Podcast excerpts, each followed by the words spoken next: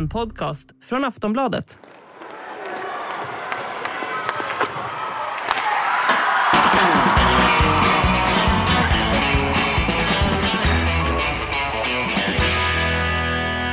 Ur askan in i elden. Hockeystudion reser sig på nio och levererar i säsongens elfte timme en storstilad comeback. Thomas Ros, Mattias Kålan Karlsson och jag Hans Abrahamsson är uppmickade igen och redo att ge er det absolut hetaste i hockeyvärlden. Thomas Ros, ge oss bakgrunden till timeouten. Vi har väl varit iväg under hela februari här, eller vi åkte väl sist i januari tror jag, eh, på ett gigantiskt äventyr i eh, öst. Vi har varit på OS i Peking, du och jag Abris, eh, i en bubbla under en pandemi och blivit svabade lite överallt och varje dag. Och, jobbat, haft mycket roligt, gråtit, skrattat, kramats till och med tror jag också. Vi, vi, sådär. Så att det har varit ett äventyr, men en bieffekt eller en, en, en våg av allt det här är att man blir ganska trött och sliten. Så vi, vi, vi valde väl att ligga lågt ett tag.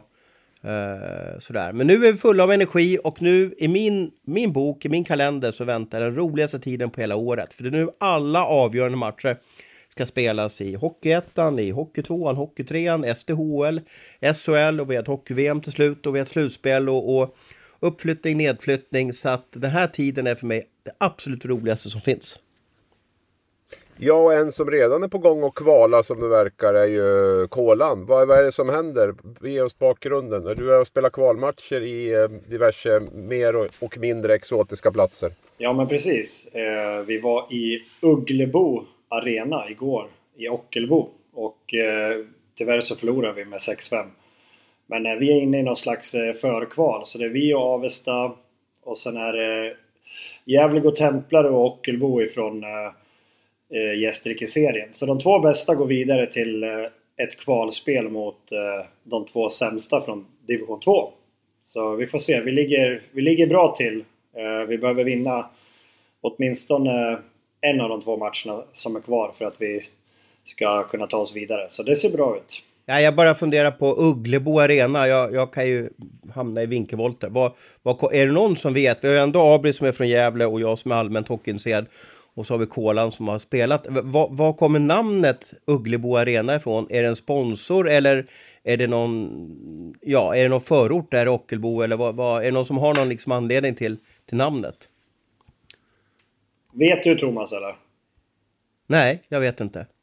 Jag försökte googla jag men... Tror att det, jag tror att, det är en mat, jag tror att det är en matbutik om inte jag ska vara helt... Jag tror att det är så här uh, ICA. Men sen om det är en del av, av Ockelbo som heter Ugglebo vet jag inte. Men jag vet att det i alla fall finns en, en mataffär som, som, uh, som går under det namnet. Så att om det är det eller om det är liksom en, en liten del av Ockelbo som, som kallas för Ugglebo och, och mataffären ligger i det området. Det vågar jag inte svara på. Men jag har varit där i arenan några gånger med diverse ungdomslag. Man blir lite fascinerad över alla arenanamn i Gästrikland här. Eh, vi har ju eh, Monitor Arena i Gävle och sen har vi Borotong Arena. Den har väl bytt namn nu till, heter den Nickback Arena? Eller vad heter den Abris? Ja. Nickback ja. ja, absolut. Men man, det känns nästan lite som man, inte vet jag, har lite trevligt på lördagskvällen och så kommer man på ett nytt arenanamn på, på någon hockeyarena i Gästrikland liksom sådär, som ska sticka ut så att säga. Vad hände med liksom Ockelbo ishall, vad, vad är fel med det? Eller vad, vad, vad är det för fel på Valbo ishall och sådär? Ja, nej absolut. Vad, OS Thomas, vad, ska vi säga något om OS? Ja men det tycker jag. Det är väl så mycket känslor och så mycket, vad man kalla för inspirationer och, och tankar och, och, och allting. Uh, vi har ju levt i, som säger, en bubbla. Det är ju, vi var ju inte så många svenska hockeyjournalister som var där så att det är väl det är väl få som har varit med om, om samma upplevelse som vi har. Um, att vara inlåst sådär som vi var, um, att, att vara en bubbla innebär ju att man är inlåst. Det vill säga att när vi kom med bussen, vi fick ju inte strosa fritt i Peking, utan man hoppar på en buss och så åker man till arenaområdet och sen så satt man vidare på en buss om man skulle till någon annan arena som curlinghallen eller hockeyhallen eller någonting sånt där.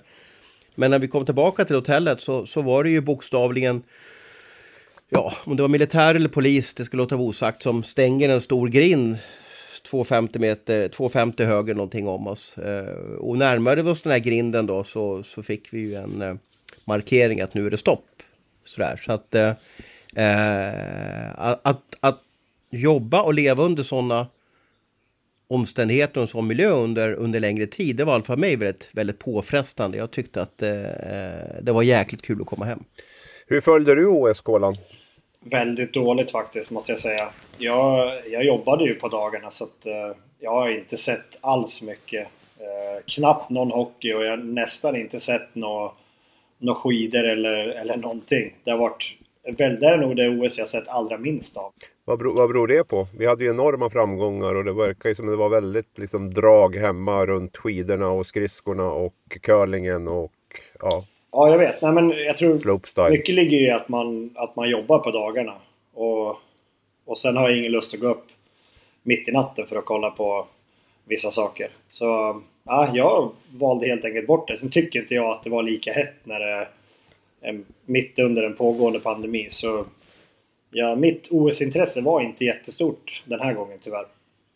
Vad har du för intryck då från Peking, Abris? Ja, alltså jag, eh, jag blir lite orolig för mig själv. Jag funkar nog rätt bra i isolation tror jag. När man bara har, bara har en sak, det är inte så mycket brus runt den och det är inte så många moment och det här livspusslet och allting sådär. Så att jag, jag har nog kanske någon sån här eh, läggning åt att blir, allt blir enklare när, när det är sådär. Men det var ju, det var ju väldigt speciellt så. Det var, men det, det fanns ju egentligen inte så mycket olika saker att tänka på. Utan det var ju bara mer att komma ihåg att sätta på sig munskyddet, hänga på sig ackrediteringsbrickan och gå ner till bussen typ. Liksom, och sen eh, slussas iväg. Så att det var ju... Ja. Det jag upplevde var väldigt jobbigt, det var när vi skulle käka och, och det där, eh, vi, vi satt ju mitt emot varandra kanske med en 1,20 eh, avstånd eller någonting och så var det en, en eh, plexiglas mellan oss. Eh, så man fick typ skrika till varandra om man skulle säga någonting. Det, jag vet det kanske man kanske är bortskämd men jag tyckte att det tog liksom lite udden ur, ur allting. Det fanns, det fanns inget roligt under dagarna att tänka på förutom att se världsidrott. Ja, du är lite mer social än vad jag är vet du, så du tycker om att sitta och umgås. Jag, jag satt ju på, på rummet ja, men jag, där jag kan tycka att det finns viss, Vissa saker måste man göra för att få välbefinnande och energi. Eh, och det är ju bland annat att kunna liksom sitta och, och, prata ihop i samband med det som man måste göra några gånger per dag, det vill säga äta mat. Eh, det, det, tog lite på mig. Eh, och eh, jag, jag saknade också eh, eh att kunna liksom strosa fritt, välja när man gör grejer. Men, men bevisligen, är man en bubbla så har man inte så många val. Vad, vad känner du runt hockeyn då, Kolan? Hockeyturneringen?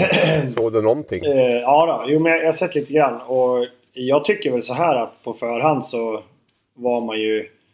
Var vi ju nöjd om Sverige hade tagit sig till, eh, till en medaljmatch. Eh, jag tycker så här i efterhand att det blir nästan ett fiasko ändå för att man, man förlorar bronsmatchen mot eh, Slovakien. Jag, jag tycker att det det blev ett fiasko fast på förhand så hade jag tyckt att det var okej okay att man kommer fyra för ja, jag tyckte kanske inte att man hade ett sånt jättestarkt lag ändå. Men eh, man borde nog ha kunnat slagit eh, Slovakien i en bronsmatch, det tycker jag.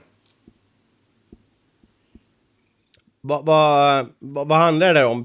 Det var ju så att de mötte ju ROK då. Eh, det som man också kan kalla för Ryssland då, men eh, i OS-sammanhang så blir det ju rock och nu får vi se om rock kommer vara med något mer framöver i OS. Det är en helt annan frågeställning. Um, de mötte ju Rock då och så torskade de på straffar en sån där segmatch. I min, I min bok så är det helt omöjligt att ladda om.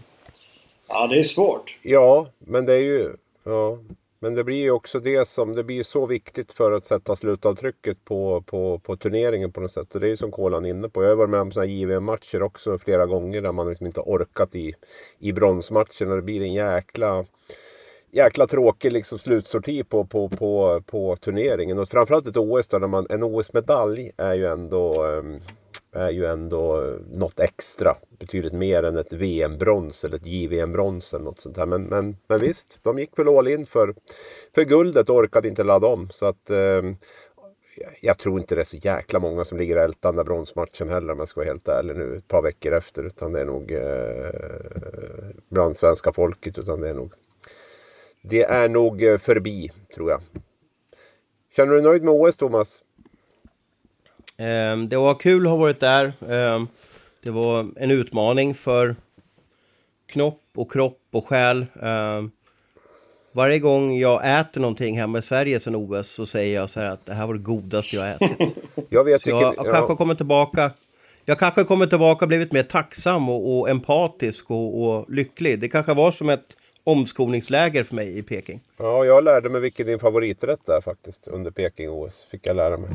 Och vilken var det då? Lasagne. Ja, ja, på hemmaplan ja, alltså. Jag, jag, ja, i Peking ja, jag, jag tog någon hel, en hel plåt, plåt när jag kom hem tryckte jag själv. Sen sov jag gott. Herregud alltså. Otroligt. Eh, det, det är ju svårt liksom att, att, att, sitta här och vara munter och glad hela programmet känner jag. Vi har ett eh, krig i Europa. Ett Ryssland som invaderar Ukraina. Eh, vad... Vad känner ni? Går det att liksom glädjas över hockey? Går det att fokusera på hockey? Går det att känna att hockey är viktigt? Vad känner du Kolan? Nej, alltså nej, jag, jag tycker det, det är ju tragiskt, verkligen. Jag, jag, vet inte om jag... Man försöker ju tänka på andra saker. Jag menar, vi var på, vi var på cup i helgen med pojkarna och det är klart att man, man tänker på de sakerna, inte så jättemycket på, på kriget i sig just då, men vi vet ju hur det i slutändan så, så blir det ju som det alltid blir. De, de eh, personerna som redan är fattiga och som det är synd om, de kommer det bli ännu värre för. De, de rika, de kommer ha det ungefär likadant ändå. Så eh, det är ju den stora massan som kommer få lida i det här, hur vi än ser på det. Och det är ju det är tråkigt för det är många som kommer behöva otroligt mycket hjälp framöver. Hur påverkar det hockeyn då? Eh, vi, vi, såg ju helgen här att eh, finska och nordamerikanska och eh, även Lukas Wallmark och Joakim Nordström valde att lämna KHL. Hur, hur, hur resonerar man liksom som hockeyspelare? Du har ju varit i Ryssland många år och känner lite Mother Russia och sådär. Hur, vad får det här för effekt på den lilla ankdamm som vi bevakar? Ja, men eh, jag tror ju att eh, SHL kommer bli starkare nästa år. Det, det kommer ju dels så kommer ju spelare att komma till Sverige för ryska valutan har väl eh, tappat ganska ordentligt i värde nu senaste veckorna. Eh, vilket gör att kontrakterna ser ju inte likadana ut så då kommer kanske folk hellre att välja Sverige. Eh, sen just det läget som är så kommer ju folk också att välja bort Ryssland. För att man vill inte vara ett land som, som ligger i krig. så, så jag tror att SHL kommer ju och få in eh, flera, flera kvalitativa spelare till nästa säsong. Det är jag helt övertygad om. Vad känner du då Thomas? Är det rätt att, eh, så vi är på KL, kör business as usual, kör sitt slutspel nu och trycker ut mycket muntra eh, Twittertrådar och sånt här. Och eh, vad känner du? Är det... Nej, jag tycker ju att jag har ju varit i landet och, och, jag vet att, jag menar, vi kan prata om Kina, men, men i, min, i min bok så är det inte så stor skillnad mellan Kina och Ryssland. De styr ju sitt folk och väljer vad, vad, vad folket ska läsa och inte läsa. Och det här är väl klassisk eh, rysk propaganda, att man eh, väljer att visa att titta allting är bra, vi kan bjuda på hockey eh, och så vidare. Eh, det ger ju en väldigt mm, konstig och bitter och, och jobbig smak i munnen. Eh, och man blir nästan lite iskall när man ser hur de bara kör på som, som ingenting har hänt. Eh, nu känner jag att hela världen, om vi pratar om idrottsvärlden, vrider ju runt armen på, på Ryssland. De får inte vara med någonstans, de får inte åka Vasaloppet. De, eh, det finns till och med hockeytränare i Sverige som tycker att man ska kasta ut ryska hockeyspelare från Sverige, att de inte bör få vara här. Eh, och det får effekt på, på, för bland annat AIK, eh, som har en fantastiskt duktig rysk målvakt här. Det, det ska låta vara osagt. Men ehm, eh, jag hoppas att världen fortsätter att och, och, och, stampa på, på ryska idrotten. Eh, och vad bieffekten blir på det. Vi säger att det blir vapenvila om en vecka. Då kanske allting är som normalt i höst igen. Att, att alla svenska, de här ja, landslagsspelarna väljer att fortsätta i Ryssland då. För det är ju högre löner där. Men annars har vi ju en effekt. Alltså det är ju inte bara svenska hockeyspelare som kommer se sig om efter nya arbeten. Eh, och om vi säger Europa så har vi de två bästa ligorna, är väl kanske i Schweiz och i Sverige. Och, och Schweiz så har man ju ett, ett tak för importer och, och, det har vi ju inte i Sverige. Så att det öppnar ju för möjligheter att vi får en mycket bättre standard för, för inte bara för SHL utan för även för Hockeyallsvenskan, för SDHL.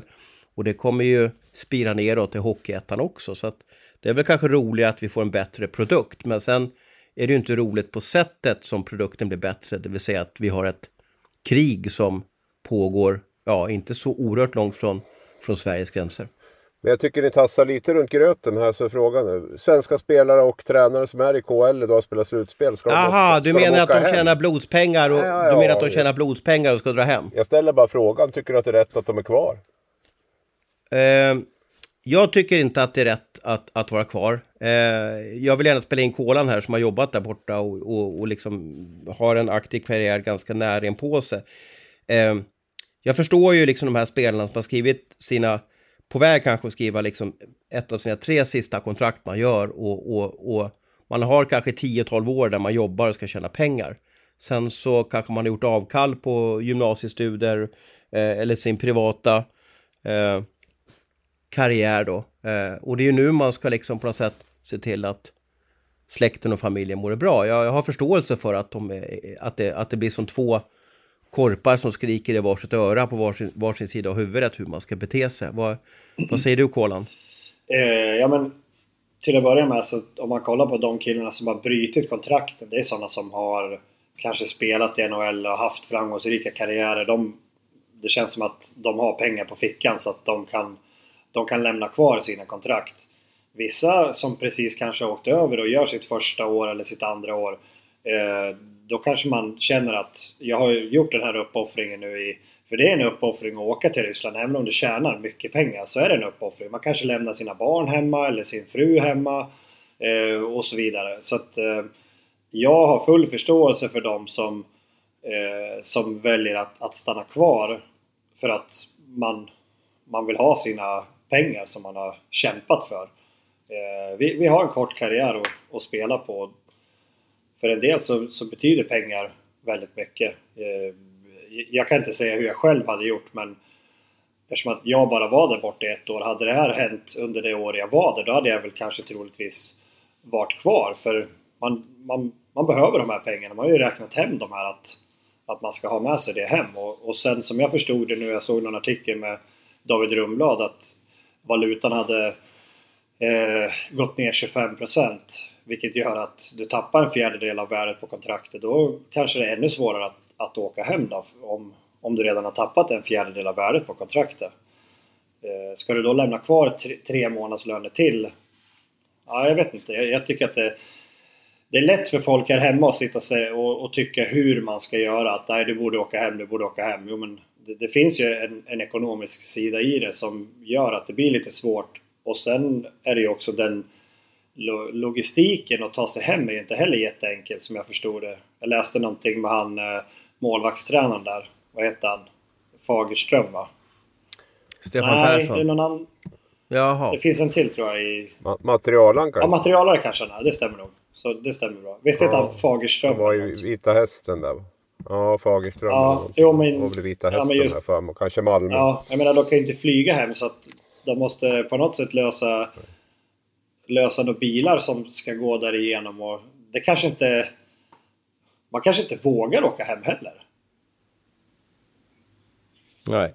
Vi har ju sökt flera svenska hockeyspelare men de duckar ju och jag förstår väl om att de vill ju inte om de är fortfarande i Ryssland, sitter en bil på väg till Sankt Petersburg eller, eller bilar hela vägen till Finland och sen tar båten över till Sverige. Jag, jag förstår ju att de, de svarar nog inte förrän de här hemma i Sverige med, med en rädsla för vad kan ske om de säger någonting som inte tror jag tycker om.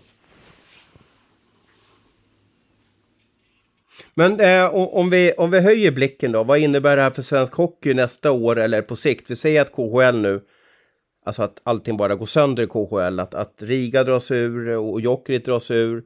Eh, ja, att många klubbar känner att nej, vi vill inte vara med om det här. Eh, För då blir det ju bara, då blir det ju inte en Continental Hockey League, utan då är vi tillbaka på Russian Hockey League.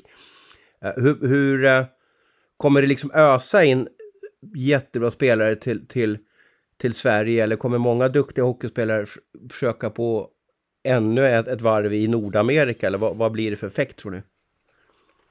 Nu, eh, nu tror jag ju inte att liksom mer än prestigemässigt så är ju inte Riga och Jokerit viktiga för KL på något sätt. Det är väl mer bara att det ser lite bättre ut om det är fler, fler länder än Ryssland. Ekonomiskt tror jag det liksom snarare har varit en, en utgift än en inkomst har de här lagen med. Och vad, vad, vad händer om nu Ryssland bestämmer sig för att vrida upp lönerna 50 procent till för att liksom ligan ska, ska överleva och man vill ha dit prestigespelare och eh, vi kanske inte har en fullskalig invasion i Ukraina i augusti-september där. Ja, eh, jag vet, tror fortfarande att pengar styr väldigt mycket vad, vad, vad, spelare gör och så under, under i alla fall någorlunda normala omständigheter. Så att mycket handlar väl om hur det utvecklar sig där tror jag. För att vi har ju en tendens att eh, glömma fort och jag tror att Ryssland har ett eh, rätt stort behov av att hålla uppe statusen på ligan. Men, men, men något namn extra kommer säkert att vara tillgängliga här i, i SHL. Det är vad jag tror. Jag är nog faktiskt inne på samma som dig Abris. Att det inte blir så stor skillnad alltså menar ni? I slutändan så är det ju pengarna som styr. Så, så kommer det att vara. Om, om någon lastar upp ett, ett stort kontrakt så är det ju 8-9 fall av 10 så, så hamnar man ju där. Det är ju, det är ju en sån bransch vi, vi verkar i. Ja, och sen, sen handlar det naturligtvis mycket om hur det utvecklas. Det är klart, fortsätter det här och, och kanske till och med blir värre så är det väl eh, det kommer ju naturligtvis att bromsa rejält oavsett vilka, vilka pengar som betalas ut eh, där, där, borta. Men jag tror inte att ryssarna bara lägger sig platt och säger att vi lägger ner KL nu och vi, vi kör bara med, med ryska spelare. Utan de kommer nog säkert att, och, och, om det nu blir någorlunda normalt igen, att försöka och eh, behålla statusen på sin liga. Och eh, där är ju pengarna en, en men, väldigt stor del. Men kommer man inte fundera en, två, tre, fyra, fem, sex, sju, åtta, nio, tio gånger om man är en duktig svensk hockeyspelare och man verkligen vill åka till Ryssland och tjäna pengar. Kommande säsong tror jag definitivt att det kan vara en, ett sånt. Jag menar, många kontrakt skrivs ju i april, maj, juni här. Um, så att det är klart att det kommer ju att, den osäkerheten som är just nu kommer ju att påverka den här säsongen till viss del i alla fall. Det tror jag. Ehm, hur det blir säsongen efter det, jag är inte lika säker på att det att de bara kommer att lägga sig ner och, och, och, inte har någon liga med utländska stjärnor där borta. Utan jag tror att de kommer att, att locka och, och pengarna, har ju all, det, pengarna har ju alltid varit drivkraften på något sätt att, att spela i KL. Det ska jag väl inte sticka under stol med. Det är väl inte något annat och eh, det vet ju ryssarna om också. Jag menar det var ju så de skapade den här ligan med enorma löner därifrån från början med, med Weinhandel och Mårtensson och, och, och det där. Va? Och sen har man ju gått ner lite lönemässigt de senaste åren men jag tror att det, det går nog att skruva upp det om man, om man vill och tycker att det är viktigt igen. Vad, eh, ska vi gå vidare? Känner ni nöjda med KL? Ska vi titta lite grann här hemma? Ja, vi kan ju inte det där är ju, det är ju lite, det är ju väldigt tråkig situation som har blivit. Eh, sådär. Sen får vi försöka hålla humöret uppe, bevaka hockeyn och se till att idrotten och, och kulturen sprider glädje i, i, i Sverige. Eh, vi kan inte bara lägga oss ner och dö och bara fundera på kriget. Eh, det är min... Eh, det är också min liksom, tips till, till många om man tycker, känner sig deppig där ute. Att vara var snäll mot varandra. Eh, välj när du ska ta in, dit, ta in information om vad som händer i Ukraina och Ryssland och försök att hitta trevliga stunder i vardagen för att eh, mer depression, speciellt efter den här pandemin, behöver vi inte just nu. Utan ta hand om er, kramas mycket och var glada. Det var fina ord. Vi övergår till, till, eh, till SHL här och det är oundvikligt känner jag att vi inte inleder med förra veckans stora snackis. Peter Anderssons vara eller inte vara i Malmö. Eh, så den här utvecklas ju allt mer till, eh, till en av de märkligaste historier eh, som jag har varit med om. Och då har jag ändå varit med om ganska mycket. Thomas, jättekort. Vad var det som hände? Ja, eh, det var ju nämligen så här att, att det är kris i Malmö eh, råder, väl, råder väl inget tvivel om. Man, man har valt att entlediga sin, sin headcoach Joakim Fagervall här tidigare under säsongen. Eh, och, och har väl ganska oprövade namn bakom honom. Eh, och nu har man ju känt att man är så sjukt nära eh, att hamna i det här kvalspelet för, för degradering. Så man valde ju då, det var säkert jättemånga diskussioner om det där internt. Och vi har ju många småkungar i, i Malmö som vill bestämma och tycka till. Eh, så det, det, har nog inte varit ett, en, en enkel väg. Och sen är det ju omgång 46 också. Omgång 47 spelas ju på tisdagen här. Det är inte så mycket kvar att, att vinka på. Men det här gjorde i alla fall, och det har väl inte varit någon hemlighet att Peter Andersson har ju varit två sessioner i Malmö tidigare och spelat hockey i Malmö och, och, gjort det bra i Malmö. Det känns som att han är Malmö-kompatibel men kanske inte fick till det i Brynäs som han fick sparken från förra säsongen. Eh, och nu var det de, eh, Malmö skickade ut ett pressmeddelande där man skrev att det var klart Peter Andersson tillbaka i Malmö. Sedan kom ju ett pressmeddelande några minuter senare. Eh, har du, har du många, hur många minuter var som skilde mellan pressmeddelandena, Abris? Nej, det har jag faktiskt inte. Men det kan väl ha varit under 60 minuter i alla fall kanske va? Ja, ja. Eh, nästa sväng från Malmö det var att, eh, ja, att man återkallade det första pressmeddelandet eh, och att någonting har hänt. Man var lite heta på hanen kan man väl säga. Eh, och just nu så, så låter det från Malmöhåll som att det inte blir någonting med Peter Andersson. Han var ju alltså på plats i Örebro i, ska säga, blir det torsdags och skulle, tanken var väl att han skulle ner i båset när Örebro mötte Malmö. Men eh, det vart ju inte så och, och, nu är allting status quo och sen vann man ju på, på söndagen här i Malmö så att nu har man ju ja, fyra poäng till godo just nu då när vi spelar in där på, på en måndag till, till Timrå och till Djurgården då. Men trenden visar ju att Malmö är på väg att sjunka djupare och Timrå och Djurgården jagar som vinthundar bakom. Det har varit en ganska lång eh, resumé. Eh, orkar du lyssna hela ja, vägen på den? Jag har fortfarande inte förstått varför det inte blev någonting. Det vill jag veta.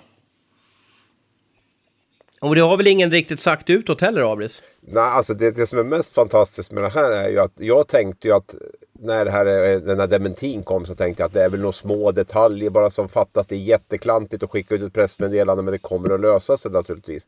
Nu känner jag ju mer och mer att jag vet inte ens om de hade haft kontakt med Brynäs överhuvudtaget. Jag vet, alltså, jag, det här framstår för mig som det, en av de mest amatörmässiga eh, aktioner som, som har skett. Alltså, för jag menar, man sitter ju då med och presentera en tränare och Brynäs verkar helt oförstående till att, till att Peter Andersson ska träna Brynäs. Och det var inte ens nära att de skulle komma överens.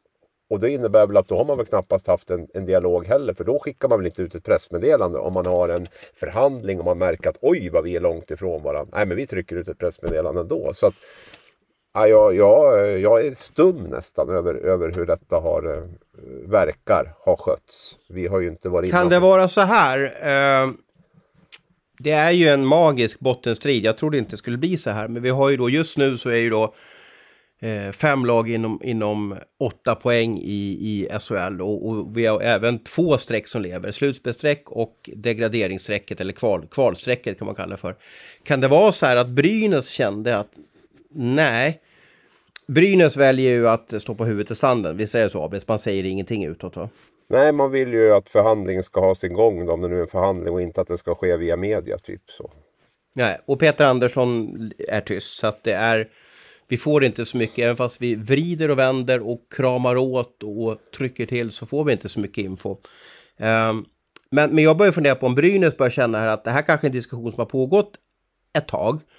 Uh, men senaste matchernas resultat, Brynäs gjorde ju inte mål där på en vecka kändes som bland annat Uh, gjorde att Brynäs var indragna i den här striden mot Malmö.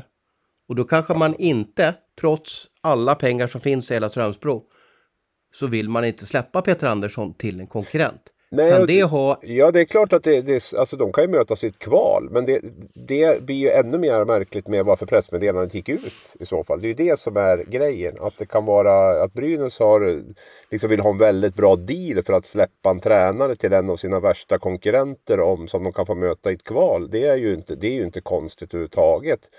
Men men det, det, kvarstår ju ändå hur, hur det här pressmeddelandet kunde sippra ut och när man är så långt ifrån varandra som man, som man är. Jag, jag får känslan av att man har, man har nog inte tänkt på att Brynäs har någonting att säga till om i det här på något sätt. Det, det, det är väl min känsla utan att jag vet det. Och Malmö... Vad var det, vad var det han sa den här uppfinnaren i Lorry-gänget? Eh, det tänkte jag inte på, eller vad var det sa?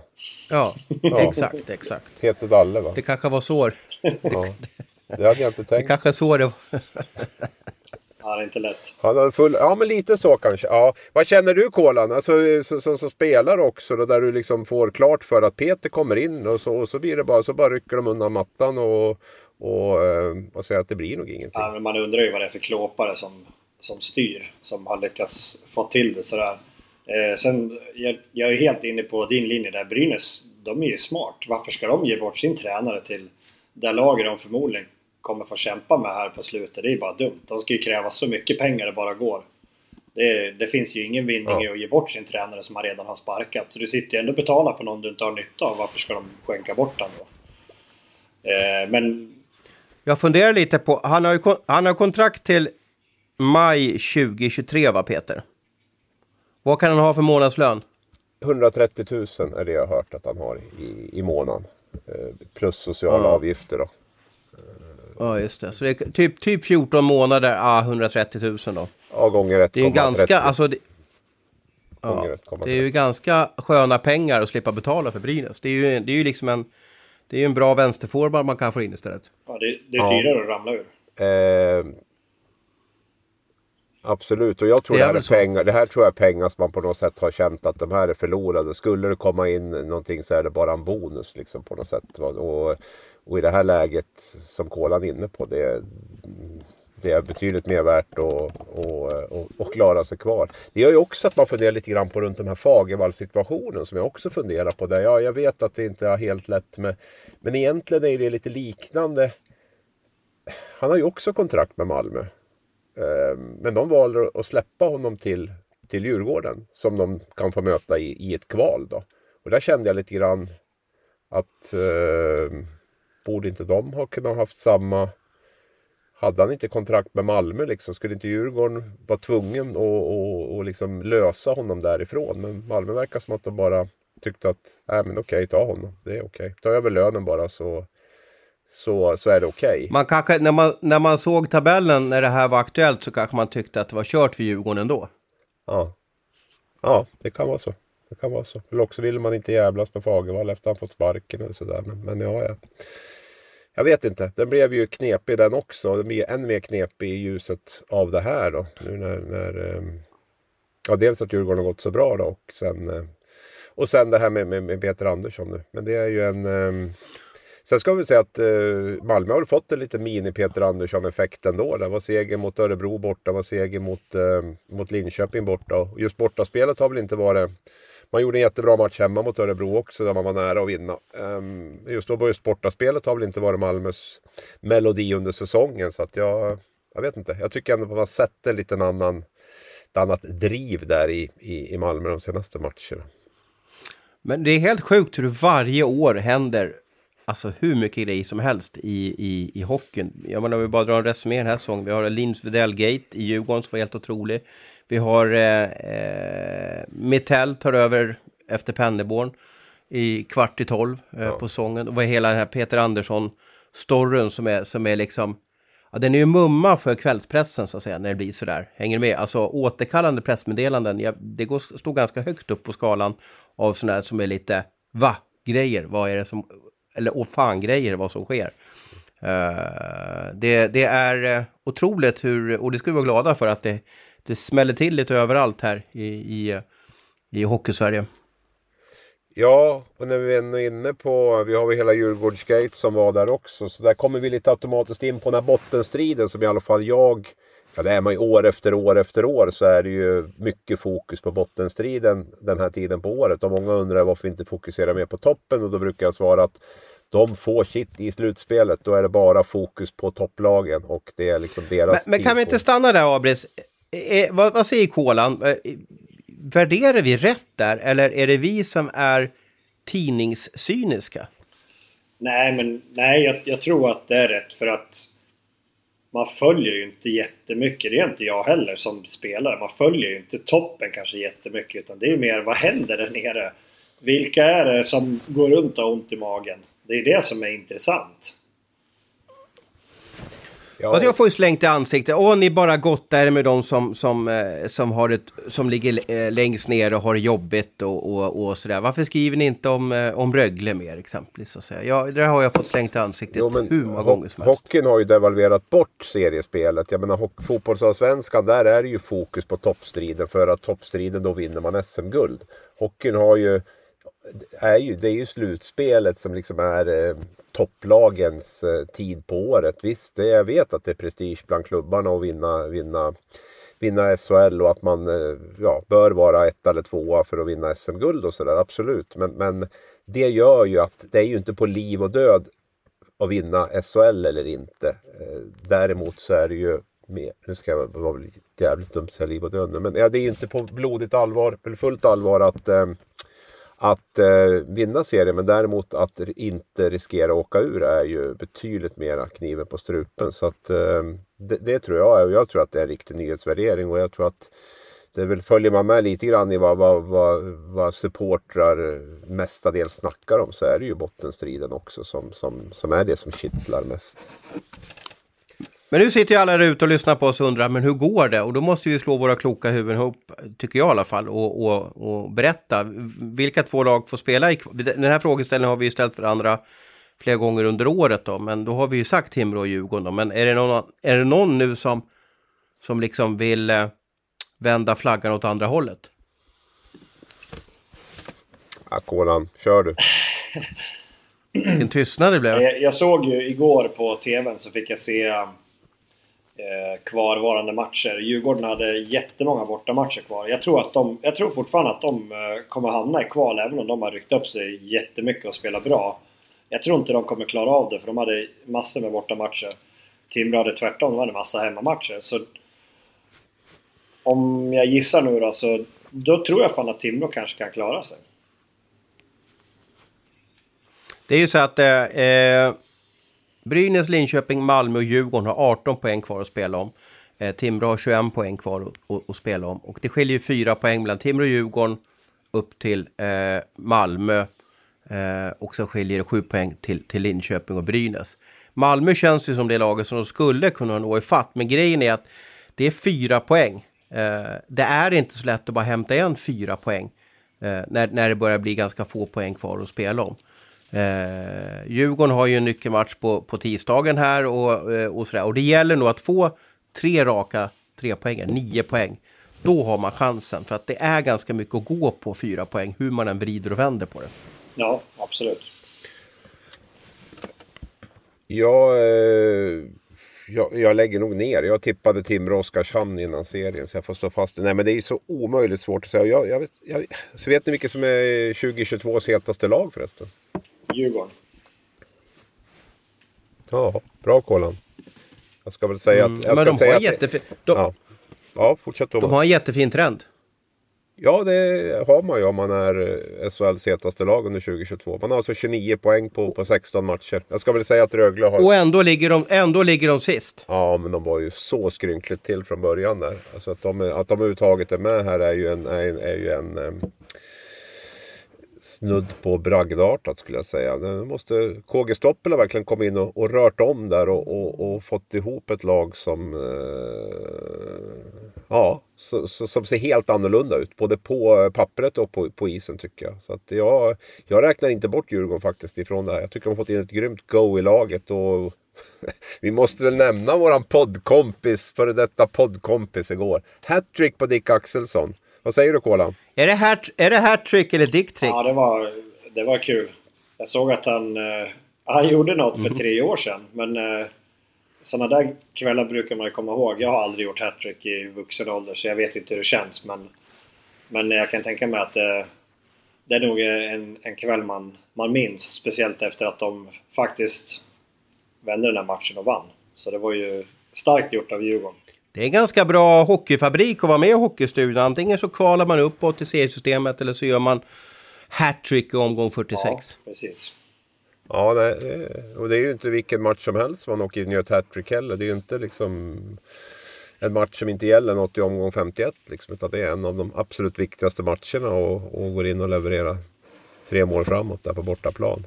Och sen, ja, jag är svår, alltså med Hovet nu fullspikat Hovet så det känns som att det är lite medvind också. Jag, jag undrar om inte Djurgården har en liten chans. Men det är som du är inne på Thomas, det där, de där poängen ska hämtas in också. Alltså det, är, det, är, det är tufft, men det kommer att vara otroligt nervöst tror jag på, på, på många håll. De avslutande omgångarna. Och där tror jag ju lag som Linköping och Malmö och ja, även Brynäs liksom har mycket att förlora.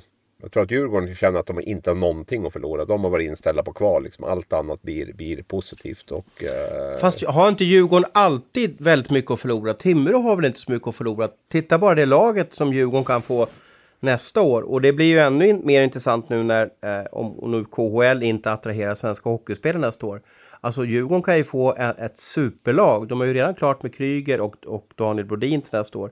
Det kan ju regna in jag menar, spelare som eh, som Linus Hullström. Eh, jag kan nog rabbla eh, Jocke Nordström kommer från Stockholmsregionen och vill säkert bo i, i eh, Tyresö. Sen vet jag inte om hans AIK-hjärta gör att det är omöjligt att spela Djurgården. Men, men de står ju inför en möjlighet att, att skapa ett oerhört vasst lag med spelare i rätt ålder, det vill säga runt, runt 29-30 år nästa år.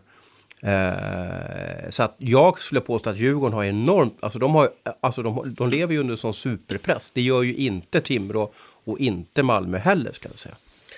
Nu menar jag att Djurgården, alltså alla klubbar har väl något att förlora med, med, att åka ur och Djurgården absolut. Men jag tänker mer på hur säsongen har sett ut och var man har befunnit sig vid den första januari den här säsongen. Så tror jag liksom att det är ur det perspektivet så tror jag ändå att man känner att i den här bottenstriden så är allt annat än kvalspel en, en, en rejäl framgång för dem. Och det, är liksom, det, det, är en bonus om man, om man undviker kval. Så tror jag i alla fall att, att spelarna känner. Djurgården borde vara det lag som är mest avslappnat. För de, de har ju spelat bäst på slutet och som vi säger, de, de har ju egentligen varit inställd på kval sedan omgång 20. Så trots att nu blir det spännande och nervöst, de har ju ändå en positiv känsla. Jämfört med Malmö då som har sjunkit som en gråsten genom... De har knappt vunnit. Men nu har de ju fått lite vind i alla fall. Men eh, det blir nog... Eh, jag tror det avgörs sista matchen, som vanligt. Men, men du, eh, vad säger ni? Djurgården-Malmö ett kval.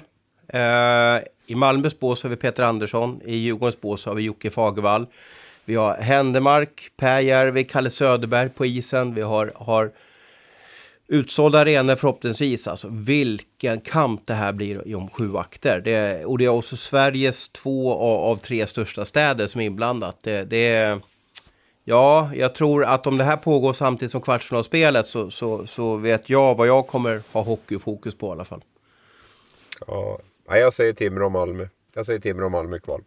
Jag har tagit ställning. Det tog lite mm. tid men, men nu har jag gjort det i alla fall. Ja, jag säger, jag säger Djurgården-Malmö, men det är för att jag tycker att det skulle vara väldigt intressant att få bevaka den eh, ja, negativa finalen. Och kolan? Vilka var för kolan? Djurgården-Malmö. Redan sagt kanske? Djurgården-Malmö. Du ser. Mm. Vet ni vilket som är seriens formsvagaste lag för övrigt? Under 2022. Jag säger Linköping. Trade. De är trea från slutet. Malmö. Okej. Okay. De är tvåa från slutet. Vi har Oskarshamn på jumboplatsen. Oskarshamn är formsvagast i serien, men det gjorde ni bra. Ja, de har, sjunk de har sjunkit som en eh, gråsten. Och få de där frågorna slängda rätt upp i ansiktet är inte lätt, ska jag säga. Ja, men lite koll måste man ha, så att säga. Så det var bra att vi inte, att vi höll oss på, på de övriga ja, bottenlagen, vad ska för. Då. På tal om det, jag har snott ihop en quiz. Jäklar vad tyst det. Vad kul! Mm. Hur ska vi svara då? Är det samma sätt? Det är samma är det skicka sätt. sms som gäller? Exakt. Ja. Och vi har fem, fyra, Så då ska man ta fram datorn här och, och sitta lite här och, och svara blixtsnabbt. För jag vet ju att det var ju din segertaktik när vi hade quiz förra gången. Att du var blixtsnabb med datorn. Där. Ja, jag kör på telefon. Jag har ja, inte... jag svarar väl fel, fel ganska ofta du, du, har inte, du har inte iMessage via datorn, eh, Kolan? Jag tror jag kanske har kopplat på. Jag vet inte. Jag, jag kör på telefon. Jag tror nog. Nej. Men bra, men då känner jag mig lite vassare just ja, nu i alla fall. det är du säkert. Känner ni er redo? Ja. Överens om reglerna och eh, hjärnan går på, på helvarv här. Det handlar alltså om en hockeyspelare. Jag kör igång. Fem, mm. fem poäng. Denne nu 34-årige smålänning har Eksjö HC som moderklubb. Hans barn heter Theo och Oliver.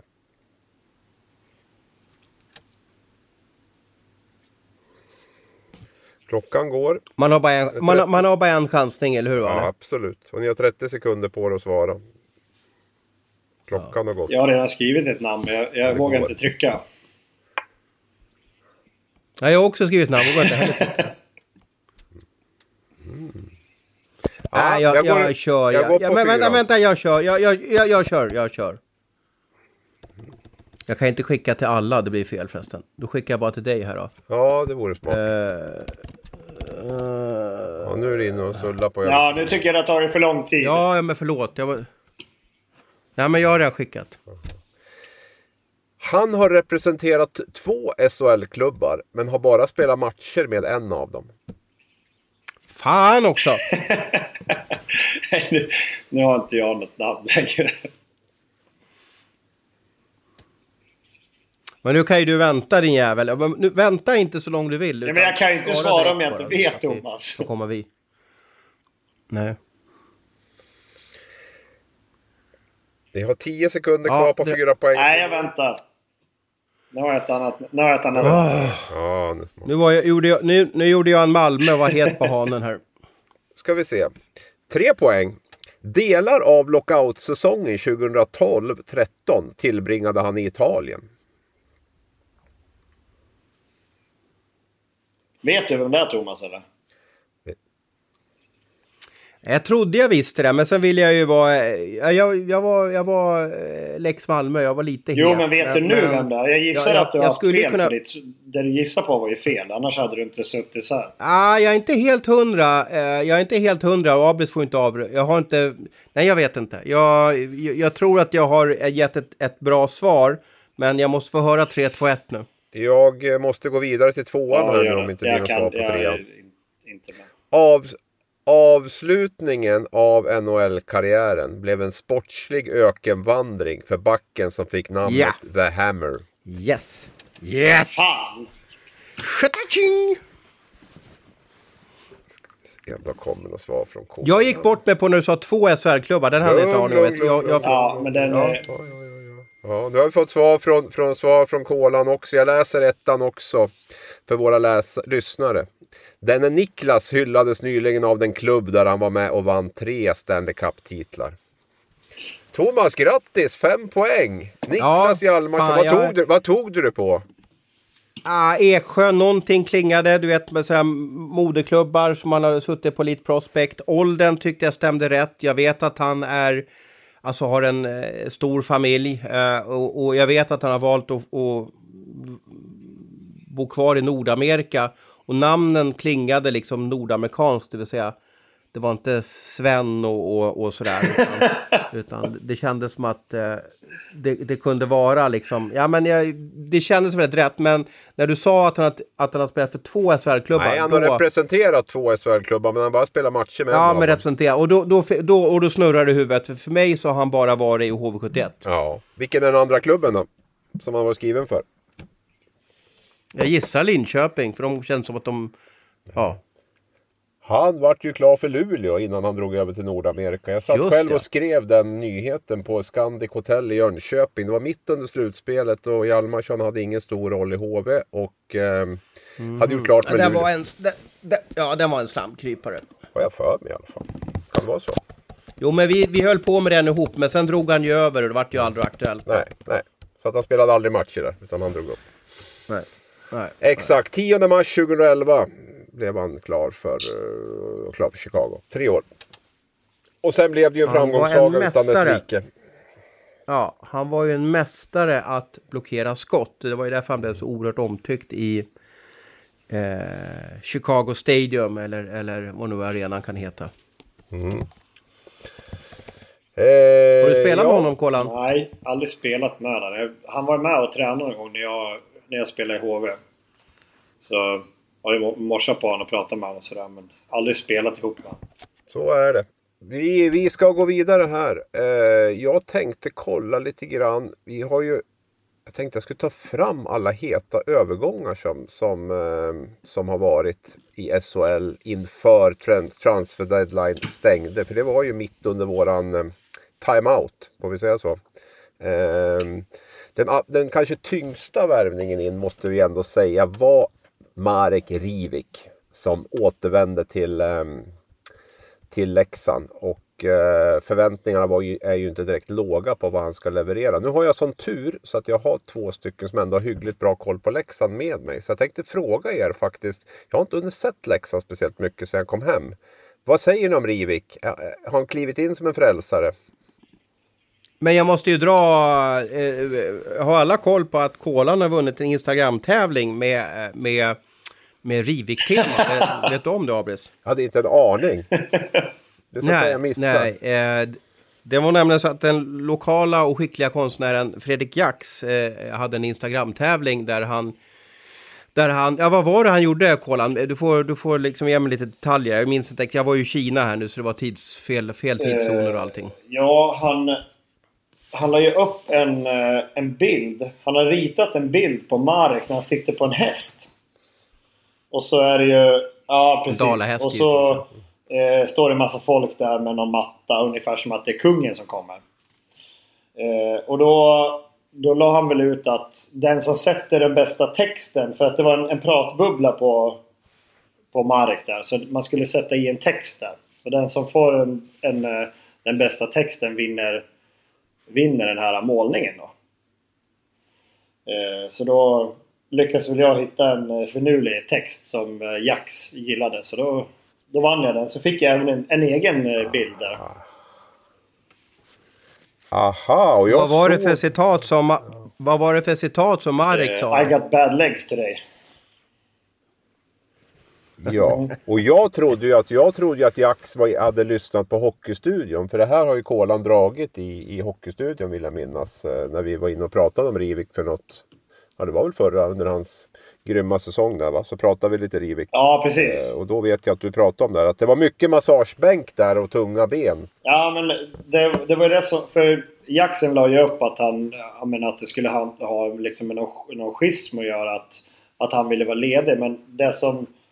Hela grejen är ju egentligen en hyllning. För att han kom ju alltid och sa att han hade dåliga ben. Men han kunde ändå åka skridskor i en och en halv minut och ha tre man på ryggen och, och göra någonting bra med pucken. Så det vi undrar var ju hur bra är han när han har pigga ben? Mm. Så det, var, det är lite så Ja, nej. grejen var. Inte att, eh, att han behövde, behövde vila och så vidare. Utan det var ju mer att han... Man funderar ju på vilken kapacitet han har när han känner sig pigg. Eftersom att han alltid känner sig trött i benen. Vad har du, eh, vad har du första pris någonstans? I vardagsrummet eller sovrummet? Eller vad har du satt upp? Eh, nej, jag, jag har inte satt upp den där tavlan. Jag, jag tänkte faktiskt att jag skulle auktionera ut den sen eh, när eh, eh, supporterklubben har någon sån här grej. Eh, så kan man samla in pengar till eh, typ Drömmarnas eller något. Så det, var, det är min tanke med den Marek-bilden. Den kommer jag inte att, att hänga upp någonstans. Det finns ingen Men frågan är ju nu vad...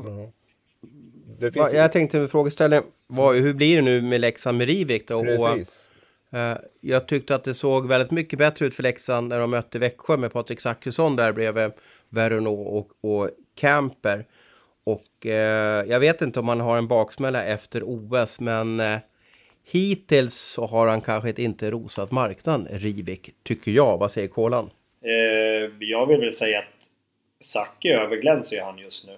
Det, de har ju en kedja som har fungerat otroligt bra och eh, jag tycker inte att de ska bryta upp den. Jag var glad att se nu när Zacke var tillbaka att han fick komma in på, på sin plats. För han, eh, han har ju verkligen spelat hockey och visat att han hör hemma i den kedjan. Så jag tycker inte man ska splittra den. Man får hitta en lösning med, eh, med Marek och någon annan. Inte vet jag hur man ska göra med han och Roma för att det känns som att båda spelar ju på samma position. Men det borde gå att hitta en lösning för båda de är sjukt skickliga och skulle nog kunna dra nytta av varandra.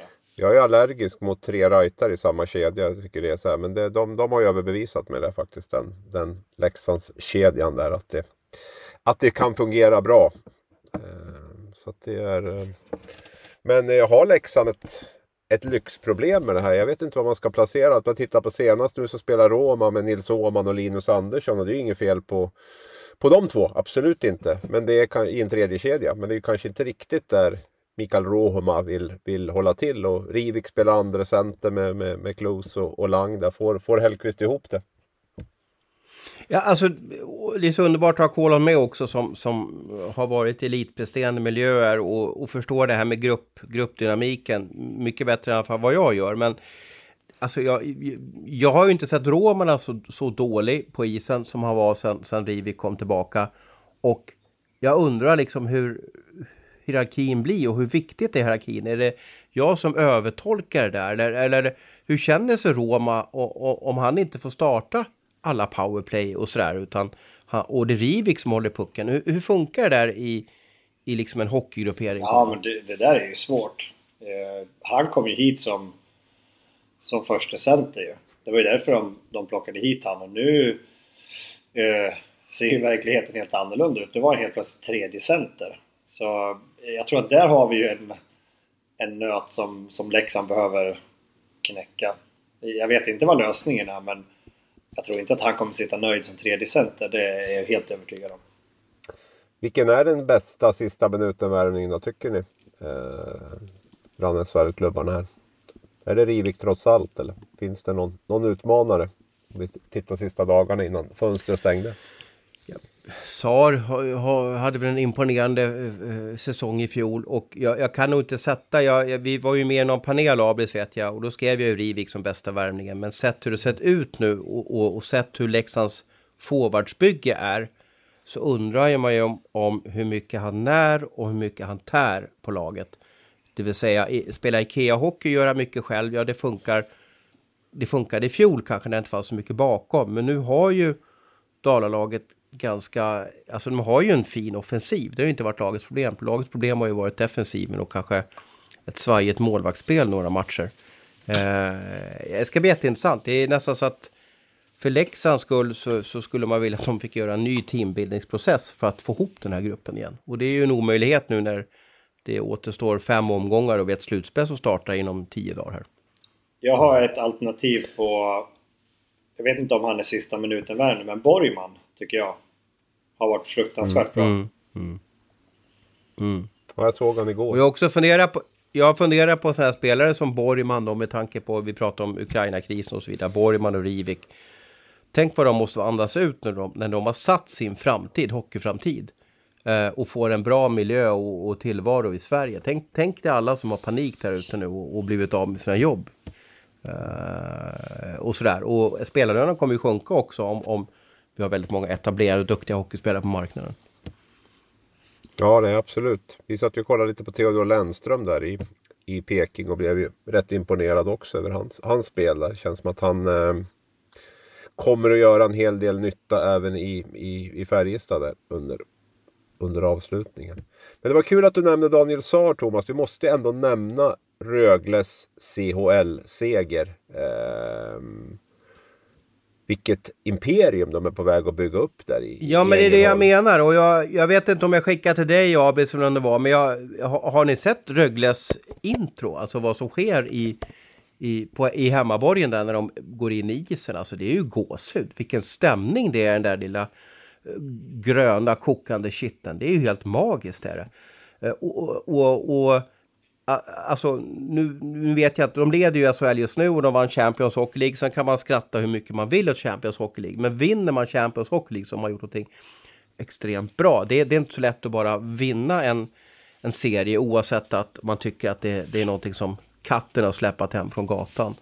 Eh, och det här är ett lag som 2015 spelade Hockeyallsvenskan.